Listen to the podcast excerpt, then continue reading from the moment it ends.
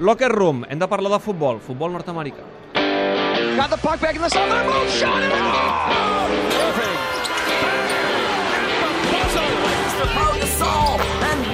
You want to go? Let's go then. Pagan coming in. Dives and he makes the catch. Locker Room, amb Ruth Vilar. Fa unes setmanes que vam estrenar aquesta nova secció al Tot Gira, eh, secció amb segell nord-americà eh, que ens porta la Ruth Vila des de Nova York, perquè és una afortunada que viu allà, a Nova York. Com estàs, Ruth? Hola, molt bé. Això, això desfortunat ho discutirem un dia, eh? Oh, I tant que sí. Qui, qui no voldria viure a Nova York? Jo crec que Nova York està molt bé per visitar-lo, però viure és una altra cosa. Viure hi és una altra cosa. No t'he preguntat mai, vius a Manhattan o, o No, fora de a Manhattan? Brooklyn. A Brooklyn. Però Brooklyn Sí, està molt la, bé, no? la mitjana de lloguer de Manhattan per un estudi en una zona de... Dir, sota Harlem és d'uns 4.000, 4.500 dòlars al mes. I Harlem no seria un bon lloc per viure. No, sí, sí, hi ha llocs que estan molt bé, eh? però també vull dir que pagues 3.000 dòlars al mes potser per un, per un estudi. 3.000 vol dir, saps aquests, aquests apartaments que no tenen habitació, que tots Sí. ho, te, ho tens en un mateix lloc? Sí, sí, sí. M'ho- sí. m'ho- imagino, m'ho imagino. Doncs per això pagues uns 3.000 dòlars. Sí, el, sí. els jugadors del New York City eh, Sí. de, de soccer viuen a Manhattan? Eh, sí, la majoria sí.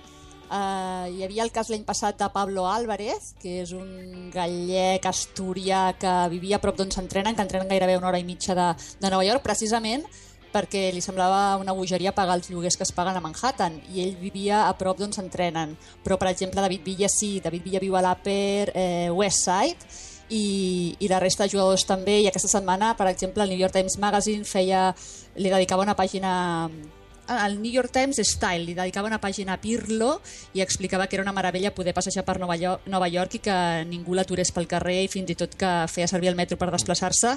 Eh, jo també he vist, per exemple, Raúl, el jugador del Madrid, agafant el metro a Nova York. Carai, eh, és que realment ets al centre del món i, a més a més, ara estarem molt pendents del soccer, del futbol, de la Major League Soccer, perquè comença la temporada, eh, aquí ho fan diferent que no pas a, a Europa, comença tot just ara la, la temporada de, de soccer, de futbol, i esclar, estarem molt centrats en aquest New York City, que, que està carregat de glamour, ara en parlarem amb David Villa, amb Pirlo, amb Patrick Vieira d'entrenador. Eh, és una, una lliga que segueix molt aquí, als Estats Units, la lliga del soccer. Uh, cada vegada segueix més, encara no, té, no es considera entre els eh, esports americans, que serien el futbol americà, el béisbol, el bàsquet i l'hoquei, però cada vegada segueix més. Uh, hi ha moltíssims nens i nenes petits que juguen a futbol. És, després del bàsquet és l'esport més practicat als Estats Units per nens de menys de 14 anys, és a dir, que té molt de seguiment. El que passa que ha eh, quan arriben a la universitat molts deixen de jugar a futbol perquè no hi veuen possibilitats de que sigui eh, una feina de futur, com si veuen doncs, practicant altres esports. I, i molts es passen als, aquests esports americans quan arriben a la universitat, però abans molts juguen a futbol i sí que entre les dones és un esport molt practicat perquè a més a més tenen una fantàstica selecció femenina eh, que serveix d'exemple per a moltes nenes que, que volen jugar al futbol. I cada vegada té més seguidors. També aquí hi ha un tema important ara que és el tema dels cops al cap dels eh, jugadors de futbol americà eh, eh, a les contusions al cap estan vaja, hi ha alguns exjugadors que estan tenint problemes des de eh, malalties eh, mentals amb depressions i també algunes morts prematures i molts estudis diuen que són degudes a aquestes contusions contínues al cap que pateixen els jugadors de futbol americà i per tant hi ha molts pares que no volen que els seus fills practiquin el futbol americà i que els estan apuntant a fer, a fer futbol i per tant per aquí intenten trobar l'escletxa però encara el nivell de la, de la Lliga no és gaire alt ells deien que el 2020 volien estar entre les 5 primeres eh, lligues del món. Carai, que ambiciosos. I, sí, sí, sí, però tot just aquesta setmana s'ha- s'han jugat un, una competició que és la CONCACAF Champions League, que han jugat diversos equips de la MLS contra equips eh, mexicans i els equips mexicans els Tot superat gira. en, to en tots els partits. Mm. O sigui que eh, encara han de progressar molt per tenir nivell. Ells, ells, la seva lliga referència ara és la mexicana. El que volen és intentar superar el nivell de la lliga i el seguiment de la lliga mexicana. Perdona, eh, se'ns ha escapat aquí un, un jingle. Un tot gira. per aquí al mig, eh? Coses que passen a vegades al directe. Per cert, eh, parlant de directe, ara mateix s'està jugant ja els primers partits d'aquesta Sí. primera jornada de la Major League Soccer. De fet, està jugant Sí. Salmo al, al New York City i amb Villa de titular, eh? Exactament, estan guanyant 2 a 3. De fet, Villa no ha marcat, però sí que, sí que és titular. També estan Contra jugant... el Chicago Fire, eh? Exacte. New York Red Bull 0, Toronto, un gol de Jovinko, que és, sens dubte, Uh, la Ruth ens ho confirmarà, però és una de les estrelles de, del campionat nord-americà, sí, sí. I l'altre està jugant al Houston Dynamo de Raúl Rodríguez, que és titular a la defensa de, de Houston. Mm, I sabeu qui entrena a Chicago Fire? El Sí. Belko Paunovic, Home. jugador de, de l'Atlètic de Madrid. Sí, i tant, me'n recordo. I tant, Pau Nois. Doncs- Clar, hi, ha, hi, ha, doncs hi ha és- moltes és l'entrenador celebritats en aquest. aquesta lliga nord-americana. Eh, sí, n'hi ha moltíssimes, eh, que jo crec que algunes fan que no progressi suficientment al nivell del joc. Per exemple, és una lliga tancada, on no hi ha equips que pugin ni baixin, hi ha una lliga regular amb dues conferències i després els play-off. Són 20 equips i al play-off se'n classifiquen 6 de cada conferència, és a dir que no és gaire difícil classificar-se per al play-off, tot i que el New York City la temporada passada no es va classificar pel play-off. I a més a més hi ha la qüestió del, del màxim salarial, que fa que hi hagi diferències molt grans entre els sous de, dels jugadors dels, dels equips. Els equips tenen un màxim de gairebé 3 milions i mig de dòlars de, de pressupost per fer les plantilles i només 3 jugadors poden sortir del màxim salarial. El màxim salarial són, no arriben als 450.000 dòlars per temporada.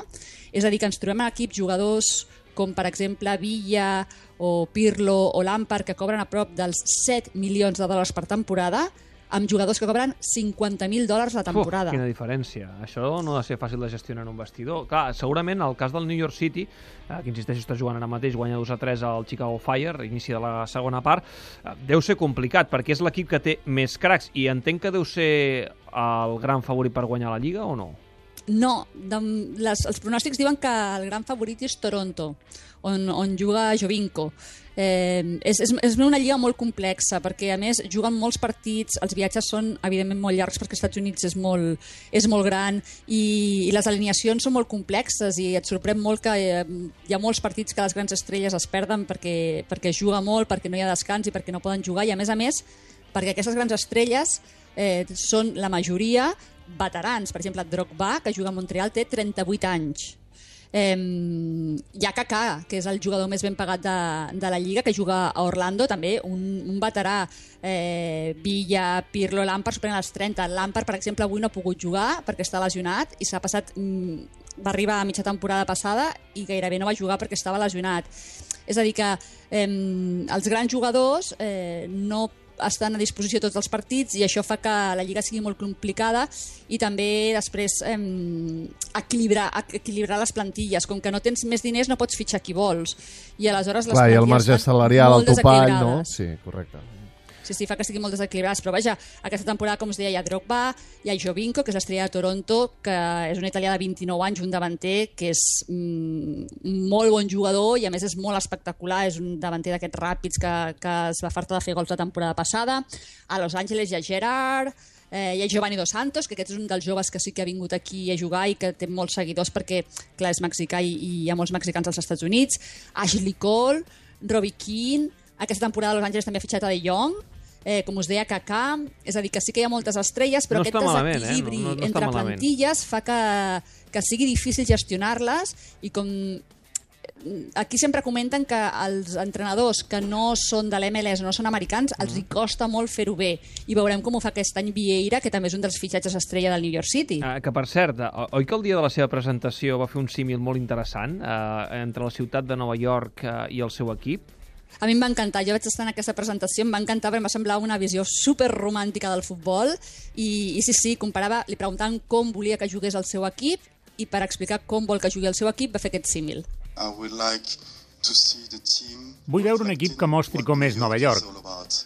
Sóc un apassionat d'aquesta ciutat, on hi he vingut diverses vegades de vacances. I Nova York és lluminosa. Hi ha molta energia en aquesta ciutat i m'agradaria que el meu equip reflectís com és Nova York. Demanaré a l'equip energia, llum i una actitud positiva. Patrick Vieira, home, eh, només repassant els noms d'aquest New York City, eh, David Villa, Iraola, eh, us en recordeu Mhm. Iraola? Està jugant al New York City, Pirlo... Veus, Iraola, Iraola no és un dels jugadors estrella del City, que són Pirlo, Lampard i Villa, i té un Lampard. sou, perquè aquí els sous es fan públics, eh? Cada temporada la MLS publica el sou de tots els jugadors de, de la Lliga. Iraola té un sou de 200.000 dòlars. al- 200.000. al- I quan, quan has dit que cobrava a. Villa?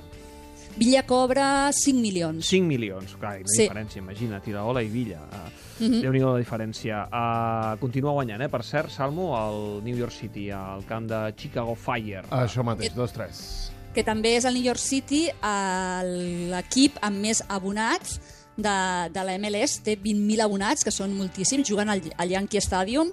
Eh, la setmana que ve hi aniré i segur que podrem sentir protagonistes pròximament. Ah, bé. I, i tenen una, una afició molt, molt fidel, molt cridanera. Eh, la grada d'animació aquí seria, diuen el third rail, i, i són molt actius, s'inventen càntics, els comparteixen, intenten que no, no siguin ofensius cap al rival i superen, ara estava mirant els abonats, per exemple, dels equips de primera divisió i en superen molts de, de la primera divisió espanyola. El New York City, que per cert és un equip eh, que té a veure amb el Manchester City. De fet, no Sí. deixa de ser, no diré un filial, però sí que és un projecte de Ferran Soriano, recordem-ho, eh, un dels homes que mana el Manchester City, és projecte de Soriano que, que, que l'ha padrinat eh, en aquest eh, New York City. Sí, eh, Ferran Soriano és el CEO, és el responsable del grup City que té equips a, el de Manchester, en té una a Melbourne, té el New York City aquí a la ciutat i també tenen una participació del Yokohama Marinos de, del Japó i mm, aquí intenten compartir la... De fet, Lampard va jugar una part de la temporada a Manchester abans de venir aquí, intenten compartir algunes Vie- Vieira també entrenava al, al planter del Manchester City abans de venir aquí a Nova York i intenten també per això aquesta definició de la filosofia que vol l'equip de, de Vieira perquè el City també, des, de Manchester amb Soriano i amb Chiqui Wittgenstein intenten defensar eh, el joc bonic, no? Mm. I per això també Vieira feia aquesta definició, perquè el que intentaran fer també aquí, com puguin, perquè ja us dic que el nivell me recordo que l'any passat eh, només feia un any que jo era aquí i vaig ser, estar a Barcelona i vaig anar a veure el Gamper i em va semblar, vaig pensar com si no portes només portes un any a Nova York que n'havies oblidat de, de que juga al futbol al Barça i vaig, quan vaig deixar els vestidors vaig saludar Luis Enrique i em comentava que havia tingut alguns entrenadors de l'MLS eh, doncs, eh, en els seus entrenaments de quan estava al Celta i també al Barça i que els veia obsessionats pel tema del físic que no treballen gaire, que els sembla que és un esport atlètic i, i, i que acabaven de veure un entrenament del Barça o del Celta i aleshores li preguntaven a Luis Enrique i quan corren? I el Luis Enrique deia, no, corren amb la pilota en l'entrenament. Ja, ja, ja, però i quan corren? I li deia, no, nosaltres no ens anem a la muntanya a córrer, El dia, no el dia que ho entenguin. Ruth, aleshores potser farà un, pa, un pas endavant, no? Sí, sí, per cert, sí, una sí, curiositat, fan locker room? És a dir, com a l'NBA Sí. i altres esports, tu quan acaba un partit de sòquer pots entrar al vestidor? Sí, fa el locker Ah, room, està entres al vestidor. Eh, estan obligats. De fet, la temporada passada vam tenir algun problema perquè hi havia un jugador... Eh, ara no recordo quin jugador era, que ens va veure una altra dona i a mi dins del vestidor i ens va dir que havíem de sortir.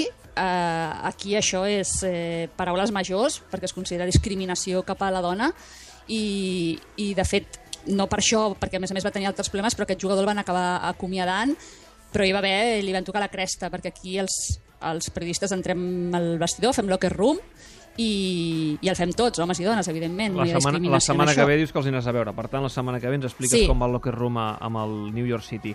Per cert, molt, Molt bé. ràpidament, un apunt que hem de fer també d'una notícia que no és tan alegre. Uh, una sanció a un jugador de béisbol dels Yankees, l'Aroldis Chapman, atenció per violència uh, domèstica. És la notícia, està la notícia de la setmana aquí. Aroldis Chapman és un dels fitxatges estrella dels Yankees aquesta temporada. Ja el van fitxar sabent que en algun moment hi hauria aquesta sentència de, de, per aquesta agressió, per aquesta, aquest cas de violència domèstica. Eh, i l'han castigat, sí, ara s'ha creat com una mena de comitè que ha decidit, imagina't com, com estan les coses, que s'ha de, de crear un comitè específic per casos de violència domèstica a les Major Leagues, imagina't, mm, vull dir...